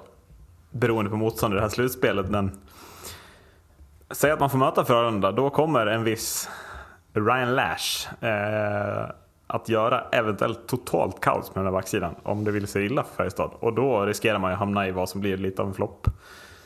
Tänker jag. ja. Men eh, alltså, vad, du var inne på det Erik, att så här, poängen görs, eh, eller målen görs av de som ska göra mål. Men, men eh, är, man, är man nöjd med, med eh, Färjestads liksom, målgörande eh, den här säsongen? Ja, men jag är lite, jag är lite tveksam till det liksom. Alltså, jag menar man plockar ju inte hem Jacob Delarose eh, för en eh, väldigt bra peng för att göra 16 poäng på 47 matcher. eh, man har inte Mikael Wikstrand på backsidan som gör 16 poäng på 48 matcher. Eh, man har Victor Ejdsell 17 poäng på 48 matcher. Ja. Alltså det är, det är mycket som brister här tycker jag. Nej men vi ska väl Eh, inte och- prata om underbetyget att Per Åslund blir trea i interna poängligan. Eh, Mm. Där kan vi väl börja. Att det ska han inte behöva bli. Han ska inte vara tänkt i de här topp två kedjorna tycker Nej. jag. Eh, så att jag, jag är helt med dig att att eh, det är väl framförallt, framförallt duon Joakim Nygård och Daniel Wiksten som absolut ska lämna med ett välgodkänt betyg. Men det finns ju definitivt spelare som, som skulle kunna steppa upp. Och som Mm. Ja. jag ser gör det i det här slutspelet också. Och då är, känns Ja, ju nej, Färjestad helt... Alltså, ja, så jag kommer ja. till det. hur mycket jag än tänker så kommer jag bara till att Färjestad känns som en av de sjukaste slutspelsjokerna någonsin. För att de ska vara fan favoriter i det här slutspelet. Men går in som någon form av jättejoker. Alltså att det liksom, Mm. det, det, jag får inte ihop det i mitt huvud hur mycket jag än tittar på de här Nej. trupperna. Att, att Färjestad inte är favoriter. Eh, och det, jag tror tyvärr det bara talar för dem. Ja, det är ju så. Och jag menar, det, det brukar ju vara så att bra spelare lyfter sig i, i sådana här situationer. Eh, och det är ju bra spelare liksom rakt igenom. Eh, sen att de har haft en jävligt tung säsong. Eh, det, det måste vara, men som sagt jag tror att det är nu som säsongen startar ordentligt. Eh, så ja, vi får se. Eh, får vi men göra. det är, det är många som måste steppa upp. Ehm, eh, och det är, det är många dyra spelare som måste steppa upp. Ehm, faktiskt. Eh, ja, eh, ett annat lag som jag har svårt att bedöma är de som slutar femma och heter Växjö. Eh, där var det ett tag, kändes det som att de inte vann en match ett tag. Men de slutade sist femma och avslutade också starkt. Ja, och det, det är väl också som vi säger där, att det, vilka är det som, som bär det här laget egentligen? Eh, ja men det är ju Gynge och Rosén som är de två spelarna som är, blir någon form av livboj för det här laget i år. Sen är det klart att Sam Hallam har väl spelat roll, men eh, det känns som att det varit, som du sa, eh, lite mera laid back Sam Hallam sen han blev förbundskapten för landslaget, även om han inte som sagt menar det själv kanske.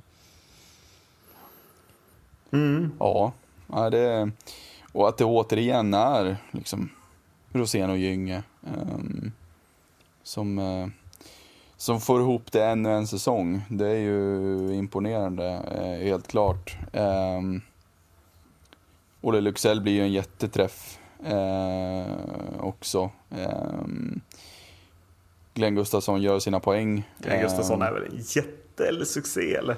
Ly- Lycksell Gustafsson får dem i fan 50 poäng i, det är helt otroligt. Ja, ja det, är- det är ruskiga siffror. Um, så att, Växjö är Växjö. Um, Sam Hallam med Sam Hallam.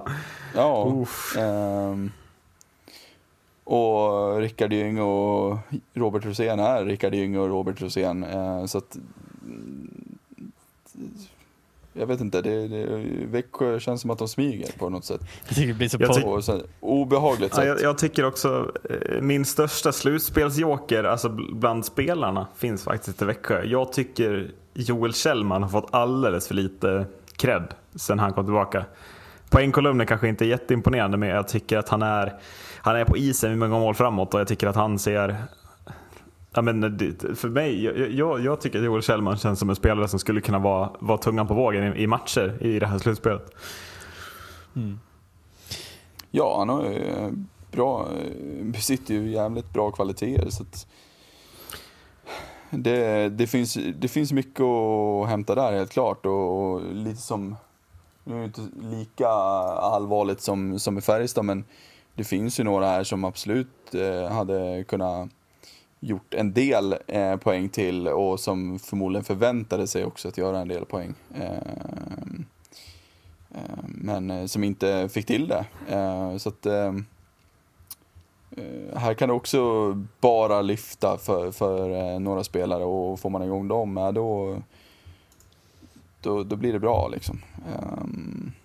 Så att, men jag, jag tycker det, det känns, känns obehagligt nästan hur lite Växjö det pratas om. Ehm, För att de är en eh, konstant eh, guldaspirant eh, och har varit det nu i väldigt, väldigt många år. Ehm, Jag, så jag- de som har räknat också- bort här, eh, Ja. ja, räkna om. Men, men eh, generellt om man ser över säsongen, om man jämför till exempel Växjö med Färjestad och Örebro, eh, betydligt bättre betyg väl till Växjö för den här säsongen. Ja, alltså, ja. och Jag vet inte hur ni tänker, men jag tänker ändå att det är ett väl godkänt betyg. Att Växjö blir femma och löser slutspel med lite marginal ändå. Jag tycker det är, så, alltså, så här, det är bara en rolig tanke, men att, så här, att Robert Rosén spelar 39, alltså han spelar ju 39 matcher den här säsongen. Så han missar ju, ja, jag vet inte hur, alltså det är ju några, några 13. 13 matcher, men det är så här som förlorar typ de 13 Det känns som matcherna. det, det är de 13 Ja. matcherna de torskar den här säsongen. Det, det, är, det är en ruskig feeling. Jag fick det också nu när du sa det. Det känns som att han har Det är spelat bara. Ja, precis. Det är några till. Men alltså det känns som att det var där svackan började här Ja, på ja, slutet. ja. Att så här, ja, nu börjar det gå lite dåligt. Och Gynge var där själv och bara, "Aha, hur fan gör man mål igen? Han gjorde ju nästan inget mål under den perioden. Alltså, Nej, det, det, är, det var så påtagligt ändå. Sen är det klart, man ska ju lyfta andra spelare. Det är ju klart att de gör väldigt, väldigt bra. Och sen ska jag ju också lyfta mig själv eh, för att jag prickar in Olle Lycksell som någon form av hype-spelare i det här laget. Eh, att det vart ändå ganska lyckat av, av dem själva. Men eh, ja, nej, det, det, det ska bli otroligt intressant att se hur de, hur de axlar slutspel. För att det här, det är som du säger, alltså, de här och Färjestad kan ju lika gärna slå hårt underifrån. Bara för att de kommer in som någon form av underdogs med de här lagen. Det känns ju, ja, rolig tanke. Och då och har vi inte ens pratat om de som slutar fyra. Jag tänker vi tar fyran Frölunda också innan vi går in på den tydliga topptrion. Men lag som slår lite underifrån och ser rätt tunga ut i slutspel. Ja, här kommer Frölunda HC eh, från plats fyra. Eh, jag vet inte vad ni tänker, men jag tänker att eh, slutspelet kan ju bli, alltså det kan bli helt sjukt. Är ju känslan. Att det så. Redan i kvartsfinalen kan vi liksom få Frölunda-Färjestad. Det säger allt om den här säsongen, tycker jag. Ja men alltså kan vi säga så här generellt hockey-Sverige, här kommer Elmer Söderblom. Vad är det för spelare? Så, såg ni Ja, målet han men- gjorde som var... Han har ju lekstuga visst, alltså stundtals. Mm. Och grabben är hur lång som helst. Och hur Ja, det, det är han. Det stämmer. Och det, hur han är, stor, han är alltså, det är som en Victor Hedman som forward. Alltså det är ju liksom... Hur långt kommer den här killen att gå? Jag Eh, Men hur mycket beror då på hans kedjekamrat på den andra sidan? Ryan Lash. Ja det är klart det blir. ah, han är rätt dålig. Alltså, är, Dubbelt med poäng. Är det någon match, eller någon spelare man vill spela med, eh, om man ska göra poäng framåt och se bra ut, så är det väl kanske Ryan Lash. Jag, jag, alltså, jag, jag, säger, jag håller med dig. Jag tycker Elmer Söderblom eh, har varit helt otrolig. Men jag säger ändå att omgivning kan spela roll. Eller vad man ska säga. Att, men också äntligen väl. Alltså äntligen en spelare som gör nästan 70 poäng i SHL. Alltså vi som liksom kliver upp. Jag vill, jag, vill bara, jag vill bara snabbt säga att Adde eh, någonstans uttryckte sitt missnöje över hur dålig Ryan Lash var i år. Att han inte, eller inte att han var dålig, utan han kände sig besviken. Han kände sig besviken över att Ryan Lash inte var bättre än vad han var i år. Vilket, ja, det, Ja. det måste du ändå ta.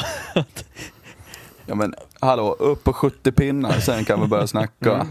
Fan, Snacka, jag blir less. snacka om höga krav på spelare. Ja men det måste kunna gå. Det är det jag blir så förbannad. Är det någon som ska kunna göra det så är det Ryan Ja. Därför får han en icke godkänd säsong. Oh my god, nytt assistrekord, eller vad var det? Ja, herregud. Eh, ja, Ja, det är löjligt. Han är ju mer assist än vad Mika Spacek är poäng. Ja, det om man är, bara tar assisterna så blir Ryan Lash trea i poängligan. ja. jag bara lägger det här. Men Patrik alltså, Karlqvist gör alltså 52 poäng. Lash gör 53 assist. Det är, alltså den siffran, den går inte att ta in. Karlqvist har varit helt otrolig och gör alltså inte mer poäng än vad han gör assist. Ja, Men är- jag är ju mest, jag är mest fundersam över hur fan har han lyckats göra så mycket mer poäng än sina lagkamrater? Alltså så här, han har ju ändå någonstans har spelat med fem andra, men det ser ju ut som att han typ har spelat stundtals själv. Alltså, Ja, jävla tusen många om och snack passar dem. assist. ja, men alltså så här, han har ju spelat lika, nästan lika mycket som Spacek. Men det är ju liksom, det, det är som att han har spelat själv någon gång i alla kedjor. För att han har spritt ut 66 poäng medan tvåan i samma lag har gjort 46. Alltså, det, det, det, är ju smått otroligt. Men det visar väl också på hur, hur bra han är som spelare också. Alltså, det spelar ingen roll vart man kastar in. Han kommer vara minst lika bra. Vem man än spelar med. Det är det som är så otroligt. Ja, men så är det. Och det är, alltså, det är bara att konstatera. Men, men alltså, t- eh, alltså, vad säger man om Frölundas säsong egentligen? Eh, jag, jag, tycker Frölunda, alltså, jag tycker det är så många lag som har känt så upp och ner. Vi kommer till till längre fram här där jag knappt förstår hur de slutar högre. Men, men det känns ju som att det finns en nivå till i Frölunda väl? Sett till vad de stundtals presterar i alla fall. Ja. S- Som vi såg, det, det var väl typ, de vann 6-7 raka här under typ februari månad kanske. Där kände man ju att Frölunda, håller de den nivån i slutspel så, så blir de ju, då är de ju med långt fram. Det är väl bara att konstatera. Ja. Ja, mer än så behöver vi inte säga sen. Alltså, det känns som att det, det känns som ett, alltså så här, ja, vi, vi har väl sagt det jämt. Det känns som ett så här Frölunda som bara, ja, nu är det vår, det blir slutspel och Frölunda, de kommer att gå långt i det här slutspelet, alltså oavsett om folk vill eller inte. Det känns som att de har ett så välbalanserat lag på något sätt som blir oroväckande för alla lag. Och jag menar, har man Ryan Lash och får några extra PP, ja men då kommer man ju göra mer mål än, än det andra laget oavsett vilket lag som står på andra sidan. Det handlar ju om att hålla sig från utvisningsbåset här för att får Ryan Lash stå i PP och fritt spela pucken, ja men då, då kommer han göra hur, hur mycket poäng som helst. Eh, ja men, eh, alltså vad säger vi om förstärkningen också? Jag tänker att Radan Lent och Andreas Borgman ser, alltså de, de förstärker det här laget rätt, rätt rejält också eh, på något sätt. Ja, ja Andreas Borgman tickar in på 20 poäng på 24 matcher Ja. på, som back. Det, är- det är inte illa pinkat. Nej, mer än liksom. Mikael Wikstrand Eh, exempelvis. Ja, till exempel. Eh, så att, ja, det är jätteförstärkningar. Ehm, har det varit. Eh, och det är bara att hoppas att de håller i det. Eh, känns ju som en riktig slutspelsspelare. Eh, eh, eh, som absolut kan höja sig en nivå till. Eh, och det ska väl bli mest spännande tycker jag att se vad Simon Edvinsson kan uträtta i ett slutspel. Eh, stundtals eh, briljant eh, på backsidan. Eh, får bäst plus minus i hela laget. Eh, får det genombrottet som eh, alla förväntade sig. Eh, och ja, förhoppningsvis är väl det sista vi får se av honom eh, innan han eh, drar över till eh, Detroit eh, och misären där. Ehm, men eh, ja, Frölunda är ju, ja det är ju, det, det är bara att lyfta på hatten återigen, eh, lite så. Som sagt, jag gör ju ingen, jag gör ju ingen succésäsong, men de är där och de är i slutspel och väl där så känns de alltid farliga. Ska vi lägga till också att Borgman är delad fjärde plats i skytteligan, alltså så här, efter 24 matcher. Han är åtta Ja. i Frölundas interna. Ja. Men alltså, Jag så här, tittar- han, han, alltså, han gör sju vem- mål. Vem fan har gjort Frölundas mål så att jag tittar på? Alltså Elmer Söderblom har gjort 21. Sen har han alltså näst bästa 13. Det känns så jävla lite. Utfritt. ja. Ja, faktiskt. Med tanke på att Ryan Lash assisterar till 53. Jo, men det, så. det, alltså, så här, eh, Ryan Lash och Spacek har alltså tillsammans eh, 89 assist. Alltså det känns inte ens som att Frölunda har gjort 89 mål när man tittar på målligan. Det känns så jävla... eh, Ja. Mycket lån absolut. över säsongen. kommer in. Ja, jag vet inte, fan. Ruskigt märkligt.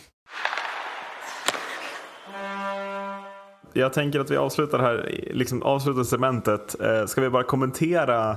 Jag tycker ändå att det är en ganska överlägsen topp tre vi ser i SHL den här säsongen. Eh, om man tittar rent liksom, målskillnad, poäng, klass över, över hela säsongen. Jag, jag tycker att det är de här tre lagen som sticker ut. Håller ni med mig?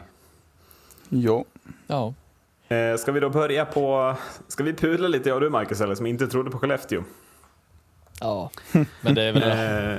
Eh, För att eh, bra har de varit. Ja. Nej men det är ju ett, alltså det är ju en, det är fortfarande en lagmaskin. Alltså det, det blir ju någonstans att man sätter också man sätter också värvningar eh, som gör dem bra men, men samtidigt, jag menar Möller och Joakim eh, tappa Lindström, Lindström. Joakim Du Eriksson lyckas höll jag på tappa att säga. Jocke Jocke Lindström. Ja, det, Ja. det är starkt Nej, ändå. men, jag ville säga Joakim Eriksson. ja. Nej, men eh, det- alltså, det känns som att de fortfarande är lagmaskinen Skellefteå som ligger och bubblar under, alltså, så här. Och sen, jag menar Olsson, alltså vad, där är ju stor anledning till varför Skellefteå, tror jag, ligger så högt. Menar du Jonsson eller Karlsson när du säger Olsson? Eller Robert Olsson menar Robert du? Förlåt. Olsson, givetvis. Herregud, jag är dum i huvudet. Nu har vi flera, nu har vi, nu Ja, har vi men poddat för snälla länge. någon, vilk, vilken blooper. Ja. Ja, nu har vi poddat för länge. Nu, vi, tappar, vi tappar bästa spelaren och coachen i samma lag. Ja, men är det någonstans där vi landar? Är det de tre bästa coacherna i de här lagen? Eller ska Roger Rönnberg vara med i den diskussionen såklart? Men, men förstår du vad jag menar? Ja, alltså rent, ja, jag tror för, alltså Rönnberg, visst, absolut. Men det känns som att han har, han har, jag vet inte om han har tappat lite på slutet. Jag vet inte, jag kan inte ta, tala riktigt för vad Ja, men man har om, om, vi tittar gjort. tränare, om vi tittar tränarna i topp fem-lagen. Växjö, Frölunda, Skellefteå, Luleå, Rögle. Är det en slump att de fem tränarna tränar de fem lagen? Nej, Det är det inte. Jag tror Det inte det heller. Nej, det, det, är en, det finns en anledning till att de här lagen är bra ifrån sig. Det, det, tränarna är en anledning också. Typ. Eh, nej men eh, Macke, jag följer upp på ditt spår. Eh, det är ju en lagmaskin. Ehm, och det syns ju inte minst. Eh, för att, eh, alltså, den egentliga riktiga värvningen som sitter, ja men det är väl Linus Karlsson. Adam Masherin. Men han spelar ju bara tio matcher, eller vad fan blev det innan han? Precis. Ja. Eh, så att, eh, och Linus Karlsson, ja, 26 mål eh, i debutsäsongen. Eh, ja, eh, det blir roligt att följa. Eh, för att sen, eh, de båda tyskarna eh, gör ju inga större... Nej, där fick Eh, man ju under- rätt i alla fall. Ja. Eh, ja. Ehm, Michael Kapla också absolut eh, bra. Ehm, men ehm, det, jag landar i att det är Linus Karlsson som är den enda bra värvningen. Och det talar väl ändå lite för vilken jävla lagmaskin det här ändå är. Eh, och vilken stomme man har i det här laget. Ehm, att de... ehm, man sätter en värvning och ändå är man, ja, kanske det mest välmående laget i hela serien. Eh, ja, men jag tänker att Strauss Mann kanske ska nämnas. Eh, Ja, målvaktssidan ja, ser ja, ja, absolut. ut. Jo, jo, Eh, jo. Men det, det är liksom fär, det är färdigt. Det är en stark målvaktssida, Mm. det är en stark backsida och till det så har man man har eh, sju spelare som gör 25 poäng eller fler. Eh, och där ja, då är man Mm. man automatiskt med högt upp. Liksom. Vinn backarnas poängliga har man vinnaren i. Det är väl överlag den bästa backen i serien tycker jag, Jonathan Pudas. Eh, så, så att alla ingredienser finns ju här för att vara med hela vägen fram. Eh, och det är väl någonstans där jag landar i att topp fyra lagen ligger lite bättre till än, än de andra. Att man har svår, svårare och svårare att hitta liksom, problem eller fel när man tittar på de trupperna. Ja. Ja, och sen har man ju en Modoit i topp. Nej, nu ska vi inte gå in på det. Bitterheten. Ska vi hamna där? En före detta toppspelare i... Nej. nej. Nej, men det är klart att det blir ju alltså... Man lyckas ju hitta spelare som kommer underifrån också som är väldigt duktiga och som, som, som hela tiden byggs på. Jag menar, alltså alla de här lagen har ju den här balansen som vi pratar om. De har bra tränare, de har bra spelare underifrån, bra värvningar och alltså så här, just balansen i sig. Allting går ju hand i hand lite. Och det är väl uppenbart att alla de här lagen har den absolut bästa balansen i laget eh, när det kommer till just det. Man har lyckats med, med, med alla bitarna i princip. Mm. Eh, ja, ja vi, kan, vi kanske ska gå vidare. Vi är ju långa. Eh, det, det är en, liksom en tydlig topp tre. Eh, Luleå blir tvåa. Är det bara jag som inte riktigt känner att Luleå ens har tuggat igång? Alltså ändå blir de tvåa. Är inte det... Jag vet inte fan. det nej. kanske är en Ja, konstig nej, och känsla. Det, det Men- talar, talar ju väldigt mycket för Luleå Ja. att eh, just den känslan att inte tuggat igång. Eh, man blir ju chockad varje gång man kollar på, på sluttabellen efter 52 omgångar och ser att Luleå ligger tvåa. Mm. Eller hamnar tvåa. Eh, för att det känns inte som att det har hänt så, så himla mycket runt dem. Eh, och det kanske är bra då att det inte händer så mycket runt om dem. Eh, förutom Johanne Tyrväinen då. Men, eh, Mm. men äh, äh, otroligt spännande och vi var ju inne på det inför säsongen. Äh, här äh, krävs det väl ett guld. Mm. Ja men det gör väl någonstans det. Och, alltså, eller, det krävs en finalplats är jag inne på. Eh, Guld är väl att ta i men, men känslan är ju att Luleå inte riktigt har råd att åka NCC med här. Utan att man måste nog ta det där steget hela vägen till att utmana om guldet på, på allvar. Alltså att gå till final den här säsongen tycker jag. För att har man känt, jag tycker de har känt stundtals mediokra, Luleå. Jag tycker de har känt mediokra. Och att då bli tvåa på 97 poäng. Alltså Linus Omark gör 60 poäng. Jag, jag, när gjorde han de poängen? Jag har ingen aning när han gjorde de poängen. Det, det, men det, det är liksom, han har ju tagit igång något så, något så fullständigt. Och han pratade ju tidigt på säsongen om att Luleå skulle, ja men han skulle inte vara som bäst i början. Det sa han ju tidigt i Hockeytutto var det han sa när han var med där. Och om det nu har tuggats igång så här, vad, vad sitter han inne på för nivå i slutspelet, Omark? Alltså kommer han kliva in Ja. och vara fullständigt dominant nu eller har han nått toppnivån? Eh, det, det, jag tycker det känns så svårt att bedöma för att Han får ju med sig spelare bakom. Backsidan är ju redan jättebra. Liksom. Och här har vi 11 spelare som hamnar över 20 poäng. Liksom. Ja. Ehm, ja, det är ju...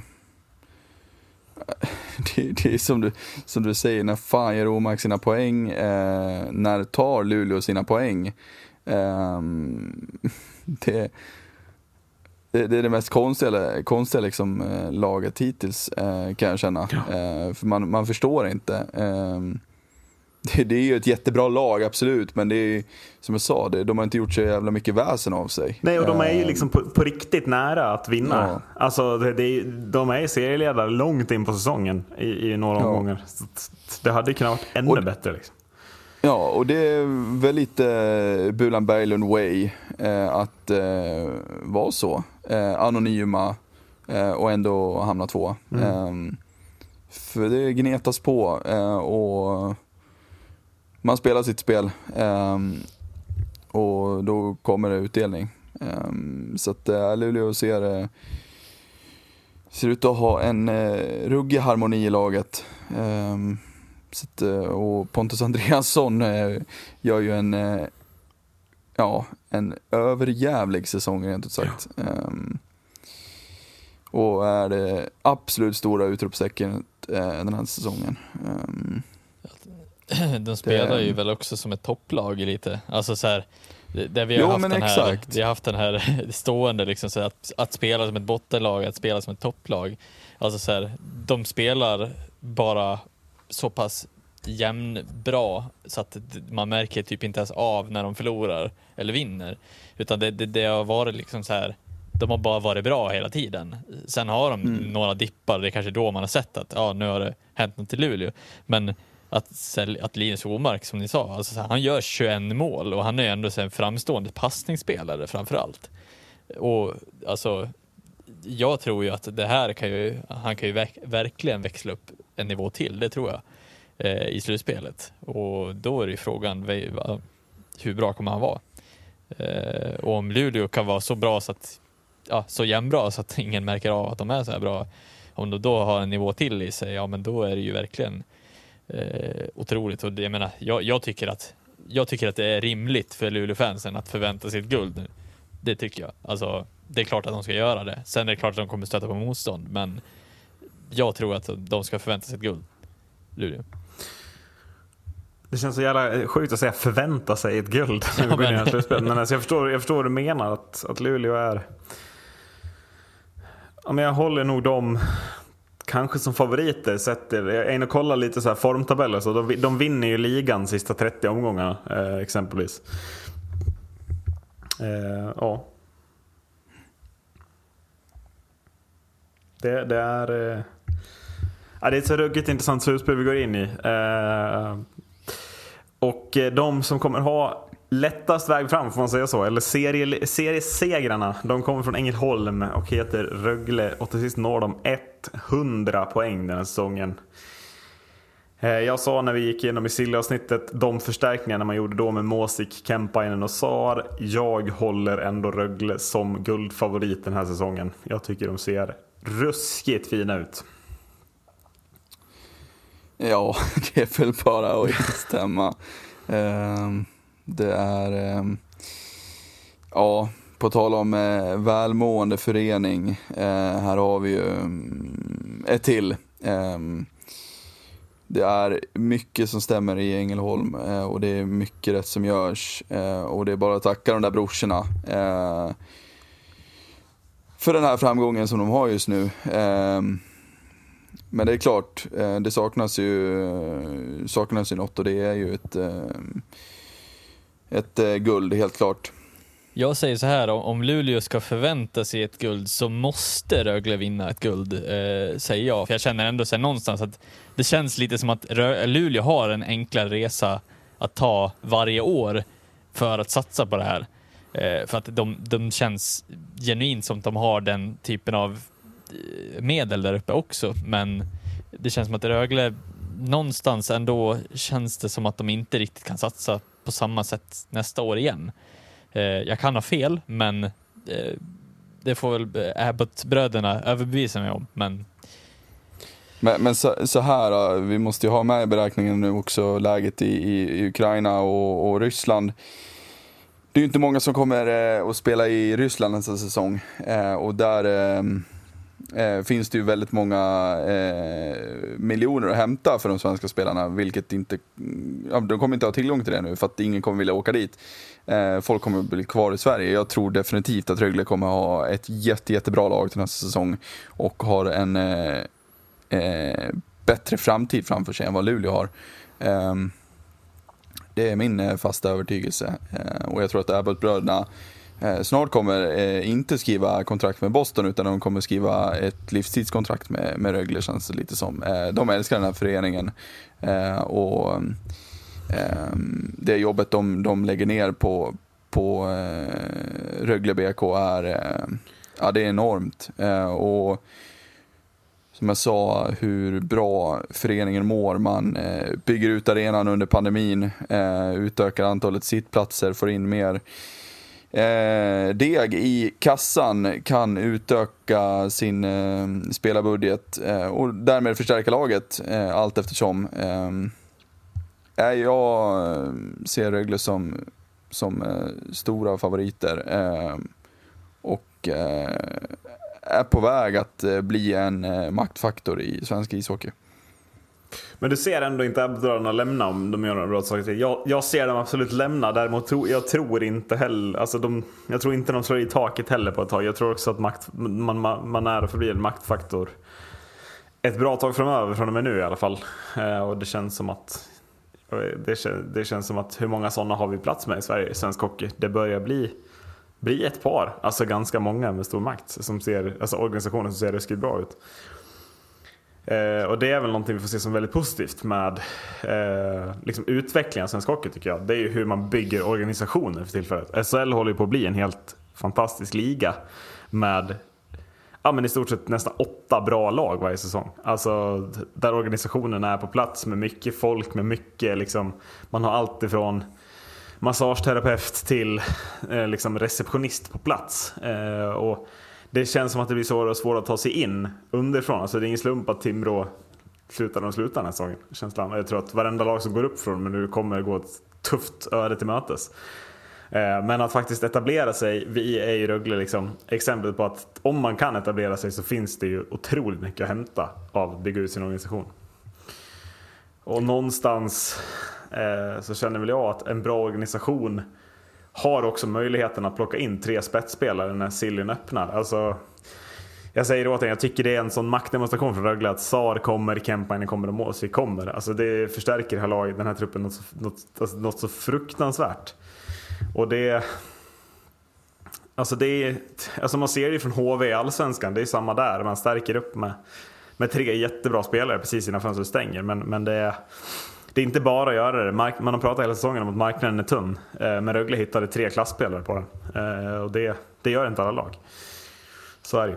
Nej. Jag tror att det dock blir väldigt viktigt för Rögle att sätta ner, alltså så här, sätta ner den pinnen i maktfaktorn också och vinna, gå och vinna det här för att Ja. få liksom verkligen den här eh, den högsta liksom punkten i att ja, men vi är det bästa laget i Sverige eh, och därav kunna liksom sätta nästa Men, nivå. eh, Ja, men, men hur tänker ni? Håller man inte lite på Rögle och Luleå eller? Jag känner liksom att så här. Skellefteå, Frölunda, Växjö, Färjestad. Ja, de har fan vunnit sina guld. Alltså det kan vara roligt med, jag kan känna att det är kul med både Rögle och Luleå som ser det här. Eller typ Örebro. Eh, att, Eller Oskarshamn. ja, jo precis. Ja, framförallt inte Leksand. Men, eh, men håller ni med? Ja, nej, eller? men, eh, ja, ja, ja, men det håller jag med om. Eh, eh, mer Rögle då, än Luleå helt klart. Jo men det är för att det har Eh, blivit men, någon liksom eh, slags övertygelse om att man inte ska tycka om Luleå. Jag tycker det där känns så konstigt. Jo, jo, men det är, ju, det är ju från vårt håll också, absolut. Ja. Ehm, men, eh, nej, men eh, Rögle får, eh, får gärna eh, kamma hem det där guldet faktiskt. Eh, Mm. för det blir lite, blir lite tråkigt om det blir samma gamla vanliga. Mm. Ehm, helt klart. Men är det inte lite stående det där med att lagen som, som är lite sekt över, alltså så här att Luleå är ju bra, det är precis som Skellefteå var innan också, att det känns lite som att de är så bra att hela alltså hela föreningen i sig blir som ett stort jävla eh, en stor maskin som man inte tycker om. Alltså, och det har ju Färjestad också varit där. Att lagen blir så bra att de, folk tycker illa om dem. Jo, men jag upplever det- Luleå har blivit det hur länge som helst utan att ha vunnit någonting. Ja. Att det är liksom att man spelar hårt uppe i Luleå, då ska man inte tycka om dem. Jag känner att jag tycker Luleå, jag tycker Luleå känns lite roliga. Liksom. Några sköna lirare. Eh, Alltså, ja, jag vet inte. Det, jag har inget, inte varit något agg mot Luleå. Det känns ju mycket tråkigare med exempelvis Skellefteå, bara för att de vann så mycket för ett tag sedan. Och, ja, men Jocke Lindström har sina SM-bucklor liksom. Mm. Det, han behöver inte en till nu bara för att det är sista gången kanske han kör mot mig. Jag vet inte. Det, det är, men det känns som att en övertygelse i samhället är att så här, man ska tycka mindre om Luleå än Skellefteå. Och skulle de två mötas i en final så tror jag övergripande att pöbeln skulle hålla på Skellefteå av någon anledning. Och det känner, det känner verkligen inte jag. Eh, Det är hur ni tänker. Vi går ut med ett avstamp. Ja, men, Fan, heja Luleå! Det kommer vara halva Sverige som håller med och så halva Sverige som inte ja, håller. visst. ja eh, men ska vi säga så? Det var SHL. Eh, nu är, Nej. nej. Jag måste bara bolla upp. Jag tror jag hittade det sjukaste fakta någonsin. Ja. Från årets, SHL-säsong. Mattias Sjögren eh, gör alltså fem poäng på 44 matcher. Eh, spelar i eh, SHLs bästa lag. Minus 20 i plus minus statistiken. Jävlar! Hur är det möjligt? Kan du förklara? Ja. Är det, ja. Det är väl också God. i ett lag som släpper in ja, fjärde minst mål i hela ligan. Mattias Sjögren har varit inne på 60% av Rögles insläpp där bak. typ. 27 mål bakåt har han varit inne på. Ja, det är ju Ja, någon lär ju vara inne på dem. Och, ofattbart. Och då snittar han alltså 12 minuter per match. ja, Åh herregud. sämre statistik än vad jag hade i hike mot Malung när vi förlorade med 27-2. Ja, men det är helt... Ja. Ska vi ta lite spelarsiffror? Är det kul eller? Ska vi bara stänga? Det är klart det är kul, men det kanske är ett eget avsnitt. Det kanske är ett eget avsnitt. Ja, och det kanske tar lite lång tid. Ja. Det känns som vi behöver lite förberedelse. Ja, precis. Så att, eh, ja, det var bara någonting jag scrollade förbi. Det kommer ju återkomma i våran, eh, fram, så här, den när vi har våran quiz som vi hade eh, förra året va? Tror jag. Mm. När vi körde Ja. statistik, gissa vem som har bäst. det där kanske, kanske bli, kan bli kul. Ja, äh, men vi stänger den här podden här. Vad borde man göra om man har lite tufft mot Rögle och Luleå i slutspelet? Ja, definitivt spela sarg ut. Definitivt spela sarg ut. Tack för att ni har lyssnat. Hej då! Hej då! Hej då. Spelar loss vänstra sidan Grenberg. Grenberg går via sargen bakom. Sundin får in fast. Där mål! Mats Sundin gör 1-0 för Sverige! För Claesson och så kommer